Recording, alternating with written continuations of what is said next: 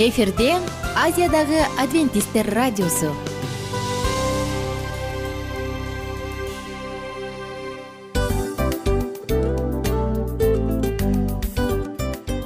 Достор салют. Баардык сүйүктүү угармандарыбызга салам айтабыз. Кутман күнүңүздөр менен. Ден соолук өмүрдүн булагы демекчи саламат саамы программасында баарыңыздарды көргөнүбүзгө абдан кубанычтабыз. Анда алгач амандашып өтөлү арбаңыздар деп. Ден соолугуңуздар кандай элибизде көбүнчө ден соолук кандай дегенде эле жакшы деп жооп беребиз э ооруп турсак дагы жакшы дейбиз. Анан мен муну айтып ойлойт элем бул абдан сонун сөз депчи анткени бул жакшы деген үмүт да э баары жакшы болот баары сонун. Деп үмүттөнүп атып эле өзүбүздү өзүбүз дарылап коебуз. Анысы кандай? Сиздин дагы ден соолугуңуз жакшы беш деген үмүттөбүз чындыгында ден соолук бул өмүрдүн булагы деп бекеринен айтылган эмес деп ойлойм. Кыргыз элинде анткени эгерде ден соолук жок болсо анда адамдын жашоосунда калган баардык керектүү маңыздуу нерселер өзүнүн баалуулугун жоготуп коет. Ошондуктан ден соолук бул эң керектүү нерсе. Ооба туура айтасың кесиптешим. Чынында ден соолугуң жок бир эки үч күн ооруп калсаң эле э кандай болуп калат? Жашоодо көз каранды болуп каласың көп нерсеге жетишпей каласың көп нерсени кыла албай каласың жада калса эчке дүкөнгө да чыга албай каласың. Туптуура анан ден соолук болсо демек биз биздин бактыбыз тоодой деп койсок болот. Анда достор саламат саамы рубрикабызды баштайлы. Алдыда өзүңүзгө керектүү болгон сонун кеңештерди уга аласыздар. Мына ошондуктан биз менен бирге болуңуздар. Ал эми биз болсо милан жана айнура. Кеттик алга. Алга саламат саама ден соолуктун жарчысы. Саламат саама ден соолуктун ачкычы. Күн сайын сиз үчүн мыкты кеңештер сонун жаңылыктар кызыктуу фактылар биздин рубрикада.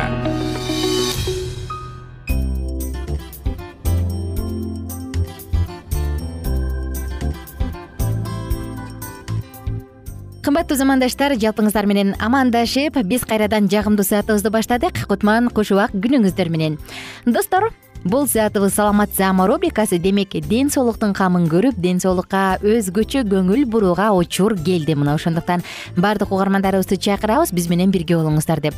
Жана албетте достор бул учурда дагы сиздер үчүн маанилүү керектүү болгон сонун кеңештерди бөлүшөбүз деп кепилдик берем. Аты жөнүм айнура миназарова сиздер менен бирге жагымдуу мүнөттөрдөбүз достор бүгүнкү темабыз боорду тазалоонун программасы деп аталат. Боорду тазалоонун программасы. Албетте биз билебиз э боор бул организмдин фильтри. Же экинчи жүрөгү экенин билебиз. Ошондуктан албетте эгерде боордун саламаттыгы начар боло турган болсо көптөгөн көйгөйлөр пайда боло баштайт. Боор дагы токсиндерди же болбосо уулуу заттарды организмден чыгарат. Анан албетте ал өзү эмес ал өт аркылуу чыгарат бул баягы ичке ичеги жана канга келген жаман нерселердин баардыгын чыгарганга аракет кылат. Бирок анын алдында боор сөзсүз түрдө дал ушул токсиндерди нейтралдаштырышы керек. Тагыраак айтканда аларды зыянсыздандырышы керек. Анан ошондон кийин ал бөйрөк ичеги карын же тери аркылуу сыртка чыгарылат.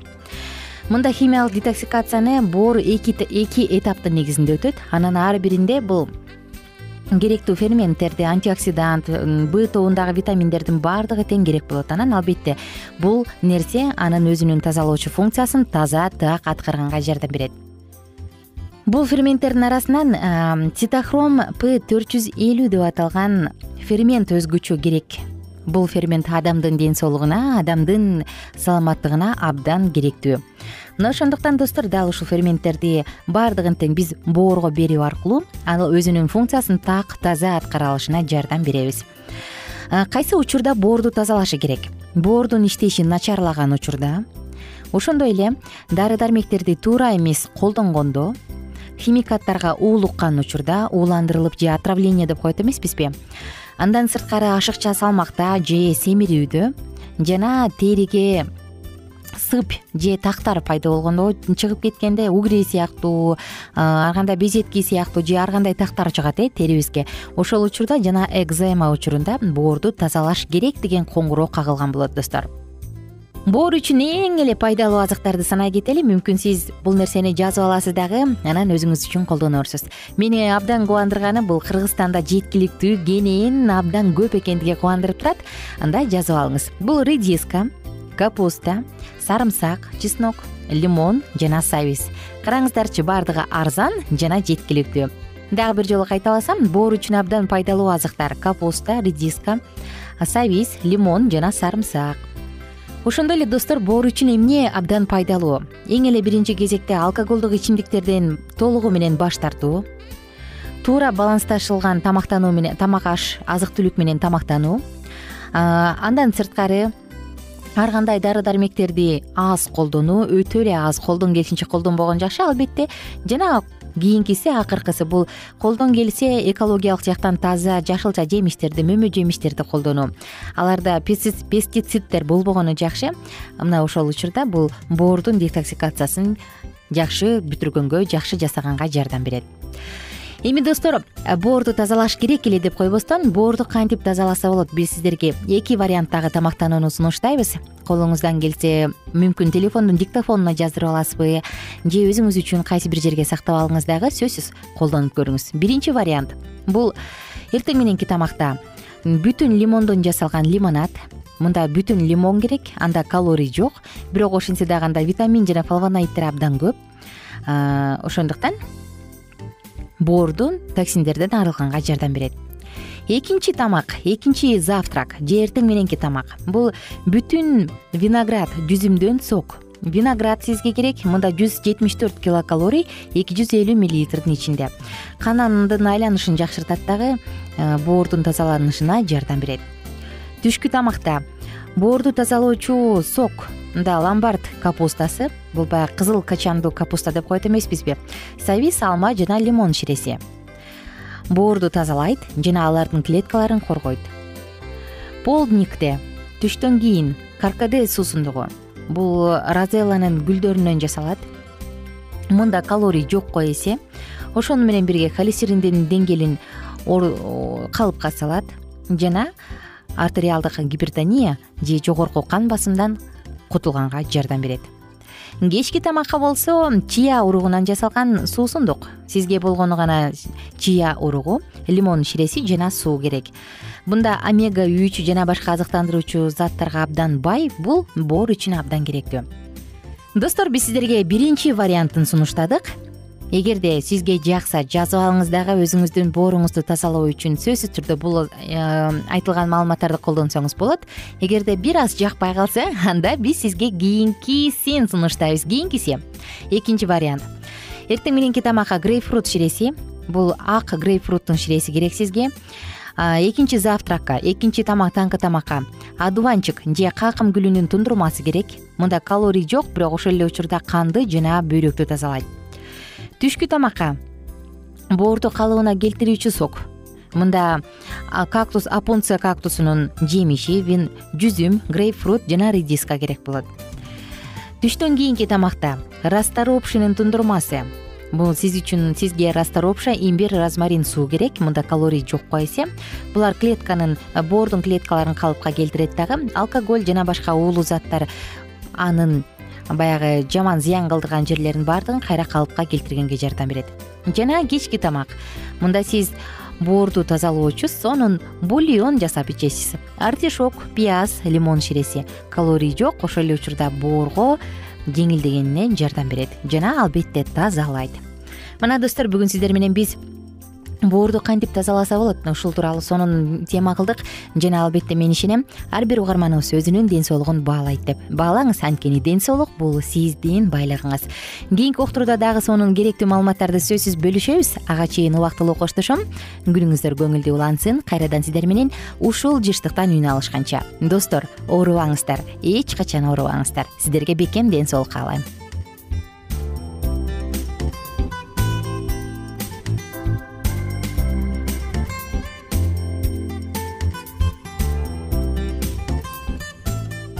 кененирээк маалыматтар үчүн үч w чекит саламат чекит клуб сайтына келип таанышыңыздар.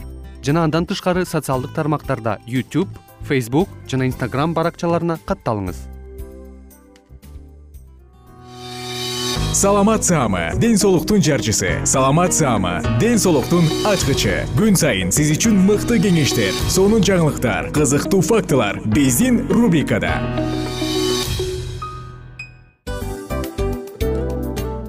салам достор. Кайрадан биздин сүйүктүү рубрикабызга кош келиңиздер деп айтмакчыбыз. Баардык замандаштарыбызга арбаңыздар деп саламыбызды айтабыз. Улуу ушундай бир урматтаган учурашуу менен анан дил маек радио баракчабызга чакырабыз. Негизи дил маек биздин рубрикабызда эмне жөнүндө кеп кылабыз бул дил маектин мааниси эмнеде рубрикабыз менен кичине тааныштырып кетсеңиз. Сөзсүз түрдө тааныштыра кетейин кесиптешим суранычы боюнча бул учурда бул радио баракчада биз ар тарап кесип ээлеринен сонун кеңештерди алабыз сүйлөшөбүз сырдашабыз. Аталарыбыздын эжелерибиздин апаларыбыздын кеңештерин угабыз айтор. Жан дүйнөгө адамдын э, сапатына адамдын деги эле адам болуп жашашына керектүү баардык кеңештер алдыда. Негизи э, дил маек дегенде баягы эки адамдын ортосундагы сырдашуу кенен сүйлөшүү. Негизи эле биз адамдар бири бирибиз менен бир жерге жай жерге отуруп алып өзүнчө тынч жашоо жөнүндө өмүрүбүздө эмне болуп атканын бөлүшкөнү жакшы көрөбүз э адамдар. Ооба туура айтасың анан мындай учурга кээде убакыт да жетпей келет э? Же болбосо сырыңды кайгыңды муңуңду кубанычыңды айткың келет а адамга ишенбешиң мүмкүн. Ооба. А бул радио баракча угармандарыбыздын чыныгы досу. Анткени бизден алган кеңеш сиздин жашооңузга чоң жардам берет. Ал эми сиздин бизге айта турган сөзүңүз ортодо гана сыр бойдон калат. Ошондуктан биздин дил маек рубрикабызга дагы бир жолу кош келиңиздер. Жана биз даярдаган маалыматтарга даяр болуңуздар. Айнура жана милан сиздер менен бирге алдыга кеттик ар түрдүү ардактуу кесип ээлеринен. Алтын сөздөр жүрөк ачышкан сыр чачышкан сонун маек. Дил маек рубрикасында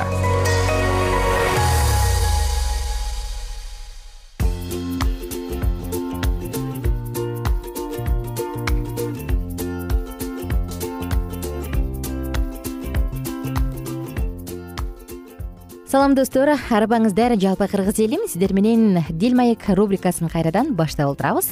Саламатсыздарбы биздин э, замандаштар? Э, биз болсо кайрадан эле э, үй бүлө жаатына арналган уктуруубузду улантмакчыбыз достор бүгүн сиздер менен дагы кызыктуу маалыматтарыбыз бар кызыктуу ойлорубуз бөлүшө турган сонун алтын сандыктан алып чыккан темабыз жана кеңештер бар. Албетте бул үй бүлөлүк психологдордун кеңештери алдыда буюрса айтып беребиз. Буга чейин келишпестиктер конфликттер эмнеден келип чыгат? Үйдөгү чыр чатак эмнеден улам пайда болот деп сөз кылып атканбыз.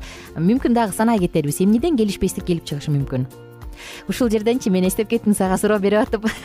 Уруш эмнеден чыкты дегенде уруш ушунун башынан чыкты деп айтып коюшат го. Элибиздечи. Анысы кандай? Уруш издеген адам баардык жерден табат болуш керек. Бирок жалпысынан конкреттүү конфликтти туудурган ыкмаларды жагдайларды айта кетсек.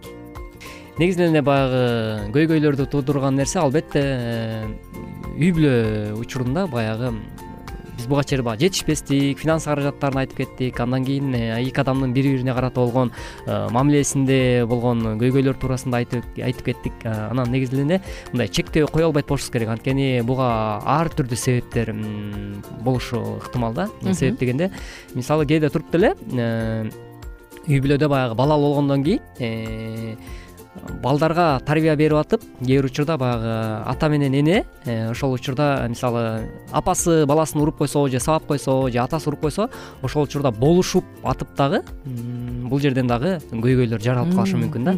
анткени эмнеге баламды уруп койдуң анан тийбе деп мындай э, баланын көзүнчө ушундан улам дагы баягы көйгөйлөр болушу мүмкүн же болбосо баягы атасы баласын урушуп атса апасы үй алтыным келчү батаң ушинте берет ал ушундай жаман киши деген сыяктуу э мындай карасаң баланы сороткусу келип атат бирок баланын жүрөгүнө жаман нерселерди салып коет да? Ооба мындай ыкмалар аркылуу дагы мисалы ошол эле учурда сен айтып өтпөдүңбү баягы атасын жаман көрсөтүү бир максат сыяктуудай да болуп калышы мүмкүн да? А бирок апасында андай деле ниет жок. Ооба андай деле ниет жок негизи. А бирок балага ошондой э, таасир тийип калышы мүмкүн. Э, андан сырткары дагы мисалы үй бүлөдө дагы конфликттердин келип чыгуу себеби бул көбүнчө адистердин изилдөөсүнө караганда баягы кайын журт маселеси. Мисалы сенин атаң сын айтайын деп аткам да азырчы. сенин атаң менин ата энем деген нерселерден улам дагы келип чыгышы мындай толук мүмкүн деп адистер айтат экен да. Өзгөчөчү бул кайра эле баягы материалдык жакты карай кетсек мисалы э эгерде жолдошу же келинчегинин туугандары өтө эле баягы ража деп коебуз го. Биз жамандык жакшылыктарга кошумча акчаларды кошуп анан улуу кичүүдөй эле баарын кошкон мисалы ушул сыяктуу учурларда э, биз бутубуздан турабызбы деги канча жолу бара беребиз? Канча акча бердик? Балким ал бул болбостур мүмкүн биз өзүбүзгө тең чамалаш үй бүлөлөр менен достошорбуз. Эми достошуп эмес ушундай э, жакшылык жамандыктарда катышарбыз. Мүмкүн аларга жөн эле барып келербиз деген сыяктуу маселелер туулат да. Анан чын эле жаңы үй бүлө баягы түтүн булатып атканда керек болсо бир кашык дагы баал болуп калат го мындай учурдачы. Керек болсо сен пол жууган э, тряпканы дагы алганга өзүнчө элүү сом бөлүш кыйыныраак болуп калган учурлар болуп калат. Мындай учурда сен айткандай кайын журт маселеси туугандар маселеси абдан эле чоң ролду ойноп коет да. Мисалы бир үй бүлөдө мындай болуптур үйлөнгөндөн кийин улам улам алар баягы жолдошу айылда жашап айылда өскөндүктөн туугандык байланыш ушундай бир өтө бекем экен да. Анан аларда чоң муун аларды кошуп алыптыр да анан кошуп алып туруп жамандыктарга эки миңден жакшылыктарга беш миңден алып келесиңер. Эми силер чоңойдуңар болду сен үй бүлөлүү болдуң сен эми чоң адамсың деп кошуп коюптур да. Анан келинчеги болсо э биздин балдар чоңойгончо бул кишилер тирүү болобу ким билет? депчи. Эми бул реалдуу жашоо да э мындай жаман угулганы менен бул реалдуу жашоо дептир да. Эми менин балам чоңоюп үйлөнгөнчө ал жыйырма бешке чыгып үйлөнгөнчө бул адам деген жүзгө чамалап калат экен сексенге чамалап калат экен. Катышканыбыз туурабы балким бул адам менен эмес анын балдары менен катышышыбыз керекпидир депчи ошентип отуруп анан ал үй бүлө эки жолго түшүптүр да. Анткени эмне себептен дейт? Анткени келинчеги айтат мен аябай тажадым дейт. Мен барганда мени кул катары көрүшөт дейт да. Ал жактан баягы келин кой бул деле курсак ачат бул деле бирөөнүн баласы чарчайт деген эмес. А тойлорго эрте кел үч күн эрте кел жумушуңду ташта оокат кыл деп мамиле кылат дейт. Анан ушундай акча маселесине келгенде эле алып кел бер бер бер дей берет дейт. Анан кайын сиңдилеримди кайнэлеримди баардыгын үйлөнтүп жайлантып турмушка бердик ар бирине акча бердик дейт. А менин иштеген акчам баары ошол жака кетти а жолдошум болсо эч нерсе кылбайт дейт да. Анан бул маселеде чын эле кыргыздардын менталитетинде эң эле бир курч турган маселелердин бири. Ооба чындап эле бул өтө чоң көйгөй десек э, жаңылышпайбыз. Себеп дегенде бүгүнкү учурда дагы э, ушундай көз караш ушундай баягы э, стереотип деп коебузбу ушундай нерсе менен жашаган инсандар катардан сурурлуу эле чыгат болуш керек менимче. абдан көп. Анан сен жогоруда мурунку уктуруубузда айттың эле адамдын алган тарбиясы депчи. Баягы көбүнчө айтышат го ар башка улуттагы адамдардын ортосунда нике куруу кыйыныраак депчи. Бирок эгерде бир эле улуттан болуп туруп бирок ар кайсы региондон баш кошо турган болсо анан эки региондун адамдары эки башкача ойлоно турган болсо бул деле маселе жаратат да. Ооба сөзсүз түрдө бул дагы өтө чоң көйгөйдү жаратат. Ал эми жогоруда өзүң айтып өткөндөй эле баягы ошол кайын журт маселесинде дагы негизинен эле баягы баардык нерсени мисалы эркек тарап жубайын эле үйүп салбастан сөзсүз түрдө жубайы менен кеңешип анан кандай кылсак болот деп мындай алдын ала ошол нерселерди сүйлөшө билгени абдан жакшы деп ойлойм да. Бул менин жеке көз карашым анткени э, бул жоопкерчилик көбүнчө эркекке тиешелүү нерсе. Өзү ооба. өзү тараптагы нерсени эркек киши дагы мындай ошол э, кайын журту тарабына барганда мисалы ошол эле улуу агаларына дагы айтыш керек. Э, биздин шартыбыз мындай болуп атат. Моундай нерселер бар ушул көйгөйлөр болгондуктан мен бул нерседе мисалы толугу менен баш отум менен бул нерсени мен кыла албайм анткени мен шартыма ылайык гана кыла алам деп дагы түшүндүрүп коюу бул абдан маанилүү да. Анан баардык нерсени сөзсүз түрдө баягы аял кишиге үйүп салып бул аял үйдүн келини деп эле ал нерсеге мындай өтө басым кылбаш керек да. Бул менин жеке оюм ушундай. Ооба мен деле ушу сенин оюңа жүз пайыз кошулам анткени келин деп туруп эле келинди адам катары көрбөй келинди баягы гонять этип деп коет го э орус тилиндечи анте бергенде деле туура эмес. Анан келинди алган соң баягы тилекке каршы элибизде мындай адам бар да эмне кетирбейсиң башка кыз ала аласың дегенчи э бирок жаратуучунун кудайдын мыйзамы боюнча бир аялга бир эркек. Бул конкреттүү ата энесин таштап бөлүнүп жашап өзүнчө бүлө улантышы керек. Кетирип алып кетириб алганда бул негизги мыйзам бузулуп аткан болот экен да. Ошондуктан бул дагы мен ойлойм бекеринен коюлбаган мыйзам болсо керек деп. Биз соңку мүнөттөргө келип калдык. Кийинки уктуруубузда ушул эле теманы андан ары улантабыз. Ага чейин жалпыңыздар менен коштошом. Күнүңүздөр көңүлдүү улансын. Сөзсүз түрдө урматтуу угармандарыбыз кызыктын баары алдыда биз менен биргеликте болуңуздар ар дайым уктуруубузда. Үйдө конфликт чыгып атса анда кандай маселе кылам десеңиз жолдошуңузга жеткире албай атсаңыз биздин уктурууну уктуруп коюңуз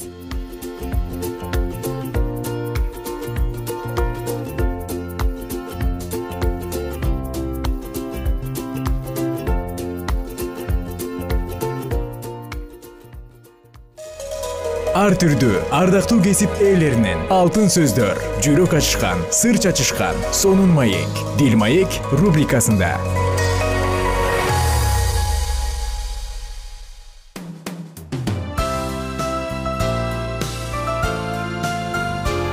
Эфирде азиядагы адвентисттер радиосу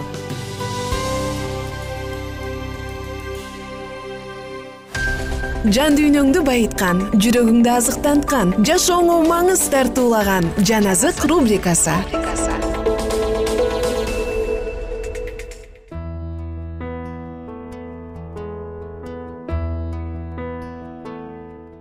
Салют достор баардык угармандарыбызга ысык салам айтып кайрадан сиздер менен. Кийинки жагымдуу саатыбызды баштадык бул жан азык рубрикасы арбаңыздар ардактуу радио угармандар кайрадан эле биз сиздер менен жан азык уктуруусунда кездешип жатканыбызга өтө кубанычтабыз кесиптеш кандай? Маанай жакшыбы абдан сонун. Ден соолук. Эң сонун. Анда биз бүгүн э, сиздер менен сонун бир теманын үстүнөн сөз кылалы деп турабыз. Тема менен тааныштыра кетпейсиңби кандай дейсиң? Албетте бүгүнкү программабыздын темасы жамандыкка жакшылык деген аталышта ой бөлүшмөкчүбүз. Анда эмесе урматтуу угармандар дал ушул мүнөттөрдө биз менен биргеликте болуңуз. Жамандыкка жакшылык негизи бул жашоодо мындай кандай десем эң эле актуалдуу эң эле э, кеңири таркалган күнүндө күндө күндө күндө жашообузда кездештире турган учурлардын бири э. Ооба анткени сөзсүз түрдө керек болсо жөн гана коомдугун ага түшсөң бутуңду бирөө басып кетет бирөө түртүп кетет. Бирөө болсо орун берсең дагы рахмат деп айтпай отуруп алат э. Мындай учурларда кездешет. Айтор карап отурсаң күндө күндө биздин жашообузда кездеше турган учур мына ошондуктан бүгүн дагы сиздер менен бирге жамандыкка жакшылык деген теманын үстүнөн ой жүгүртөлү дедик. Албетте урматтуу угармандар ал эми ушул кыргыз элибизде эзелтеден айтып келе жаткан э, бүгүнкү темабызга ылайык эле жакшынакай макал лакап бар экен мисалы жамандыкка жакшылык дейт бул ар адамдын иши деген экен да. Ал эми э, жакшылыкка жамандык бул көр адамдын иши дейт. Демек бул жерден биз э, ушул макалга өтө бир көңүл буруп жана таамай айтылган сөз деп ар бир инсан кабыл алса болот экен да. Себеп дегенде жамандыкка жакшылык чындап эле ар бир адамдын иши ал эми ошол жакшылык кылган адамга жамандык кылган адам бул көр адамдын иши деген. Демек көр деген бул сөздүн өзү эле төркүнү абдан бир мындай олуттуу капкараңгы төмөн э баягы орустар айтып коет го ниже плинтуса депчи элестет жамандыктын белгиси деп койсок болот да. Ошондуктан биз баягы э, ар бир инсан э, ушул макалды жана ушул теманын алкагында биз сөз кылып аткандыктан бул нерсе жөнүндө мындай ар бирибиз э, ой жүгүртүшүбүз керек деген бир ойду айткым келип жатат да? Туура айтасың анан э, баягы аш менен урганды таш менен ур деп э мен кээде байкап отуруп туруп анан кийин ар кандай китептерди окуп ыяк китепти окуп башка ар кандай авторлордун китептерин окуп атып кыргыз элибиздин ушундай сөздү баккан элекени сөзгө чечен бир эки үч сөз менен эле баардык бир жашоого керектүү болгон нравалык моралдык баалуулукту берип койгонуна абдан таң калам. Мисалы жамандык кылганга жакшылык менен жооп бер таш менен урганда аш менен ур э? Карачы кандай мындай? Карап отуруп мен көп таң калам да ушундай сонун сөздөр ушундай сонун акылдар бизге келип жеткен депчи анысы кандай. Бирок мен айтат элем негизи улан жамандыкка жакшылык менен жооп берүү дайыма эле оңой деп айтпайт элем да. Кыйын э? Ооба сөзсүз түрдө реалдуу жашоодо качан сага бирөө жамандык кылганда качан сага бирөө кыянаттык кылганда дароо эле барып бетинен өөп же кучактап деген сыяктуу жакшылык кылыш оорураак кандай дейсиң ооба чындап эле эгерде кимдир бирөө кандайдыр бир сен э, чын ниетиң менен чын көңүлүң менен э, жакшы мамиле кылып атсаң эле күтүлбөгөн жерден эле сага тоскоолдуктарды кылып кандайдыр бир кыйчалыш э, мындай сенин кандай десек мындай бир э, көңүлүңдү ооруткан э, сөздөрдү айта турган болсо же болбосо сенин жүрөгүңдү оорута турган болсо албетте бул кайрадан ошол адамга жакшылык кылып коюу бул өтө оңой олтоң иш эмес. Оңой эмес эле жеңил эле мындай жооп кайтара албайсың да.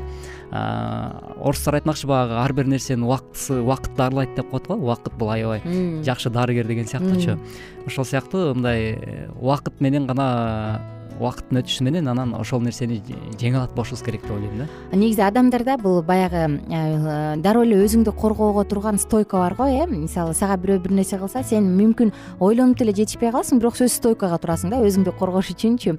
Дароо бир нерсени айтасың дароо бир нерсе кылып ийесиң бул баягы автоматтык түрдө чыгып кетет э көбүнчө. Анан жанагындай кыйын учурда же болбосо сага бирөө жаман сөз айтып койсо деле сени ушинтип айтты деп айтып келгенде деле бушайман болуп эмнеге ал антет карасаң мен аны андай адам экен деп ойлогон эмесмин же эмнеге ал ушинтет деп анан ал адамга карата мындай жаман ойлоруң пайда боло баштайт го. Мындай учурда андан дагы э мисалы дароо эле барып жакшы сөз айтып же аны жакшылык менен жеңип кетүү оңой эмес да албетте туптуура айтасың чындап эле баягы жамандык кылган адамды сөзсүз түрдө жакшы нерсе менен жеңиш албетте баягы кыйын эмес ошондуктан алдын ала баягы кандай десек мамиле аркылуу э кайрадан э, диалог жүргүзүп эмне себептен э, кандай балким менде кандай ката кеткендиктен сен ушундай жооп кайтардың же оройлук менен мамиле кылдың деген сыяктуу бир э, сүйлөшүүгө барып анан чечилбесе сен жогоруда айткандай эле эгерде мүмкүн ал кандайдыр башка нерсеге ачуусу келип атып катуураак тийип алгандыр. Ошондон улам э, экинчи тараптагы адам э, кандайдыр деңгээлде мындай э, дайыма эле мага ушундай мамиле кыла берет же болбосо бул эмнеге эле мынтип сирпилдеп калган деген сыяктуу эме менен анан негативдүү ойлорду ойлой берип ал баягы өөрчүп өөрчүп отуруп адамдын психологиясы мындай эме болуп калышы да мүмкүн да мындай дайыма эле бул мени мындай жактыра бербейт же болбосо дайыма эле ушу мага тоскоолдук бут тосуп жүрөт деген сыяктуу бир жаман ой менен биргеликте анан э, ошол э, ою менен жүрө берип жашагандыктан анан абдан бир мындай э, жакшылык кайтаруунун ордуна мындай жакшылыкка кандай десек бир жакшылыкка бир мындай март эмес тескерисинче сараңдык менен эптеп эле бирдеме кылып өч алып калайын өч алып калайын деген ой менен жашап калышы ыктымал чындыгында жакшылык кыла билүүнү баардыгы эле мисалы жамандык кылбаса деле жакшылык кыла билүүнү баардыгы эле мисалы баардыгыбыз эле билбейбиз э.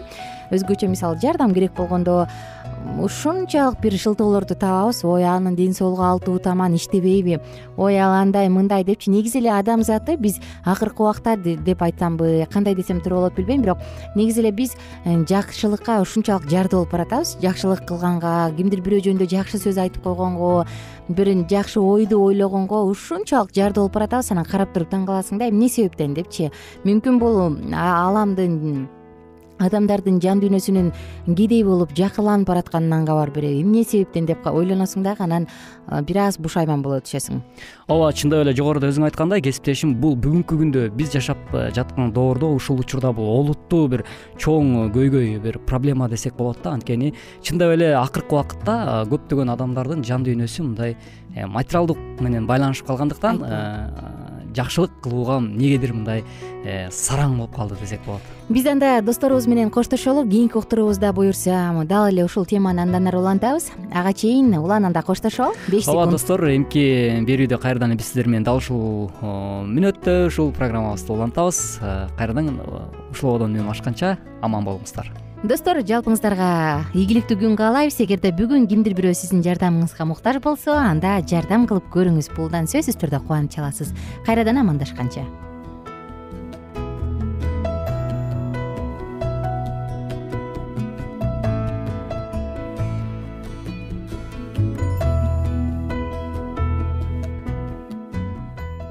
Эгер сиздерде суроолор болсо же көбүрөөк маалымат билем десеңиз анда биздин whatsapp номерибизге жазыңыз.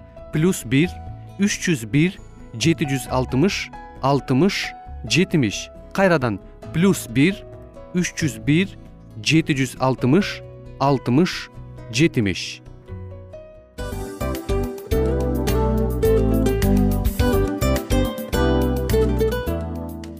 Мына ушинтип убакыт дагы тез өтүп кетет экен. Биз дагы радио уктуруубуздун аягына келип жеттик келип кубандырдыңар эми кетип кубандыргыла деп тамашалап калышат эмеспи? Анысы кандай? Радио баракчабызды программабызды азыр эле баштап аткандай болдук элек мына соңуна келдик э? Негизи убакыт э, билинбей өтүп кетет экен мен дагы э, убакыт дегенде бүгүн бир адам менен сүйлөшүп калдым. Анан убакыт бул мүмкүнчүлүк деп айтып өзүмө өзүм айтып алып анан мага өзүмө эле кайра ачылыш болду да чын эле Э, карап отурсаң ошол эле жыйырма төрт саат ошол эле жарым саат кайталанып атат. Бирок сендеги мүмкүнчүлүк жок ошол кой берилип кетти? Анысы кандай? Бүгүнкү сонун убактыңызды алтындай болгон жарым саатыңызды бизге бөлүп арнаганыңыз үчүн ыраазычылык айтабыз. Анан жашооңуздун кайсы бир сферасын өзгөртө турган сонун пайдалуу кеңеш алган болсоңуз анда биз максатыбызга жеттик. Анан ушул нерсени кылбасам десеңиз ошол өзгөрүүлөрдү кичинекей кадамдардан баштап иш жүзүнө ашырыңыз дагы жашооңузда чоң чоң ийгиликтерге жетиңиздер чын жүрөктөн ар бир берилген кеңештер сөздөр сиздерге пайдасын алып келет деп ишенебиз. Жана кийинки уктурууларда сөзсүз түрдө чыдамсыздык менен сиздерди күтөбүз. Сагынычтуу салам айтып кайрадан дал ушул жыштыктан баардыгыңыздарды тосуп алганча кызматта мен айнура жана кесиптешим милан. Анда кол пул каалайбыз жалпыңыздарга ийгиликтүү күн. Саламатта калыңыздар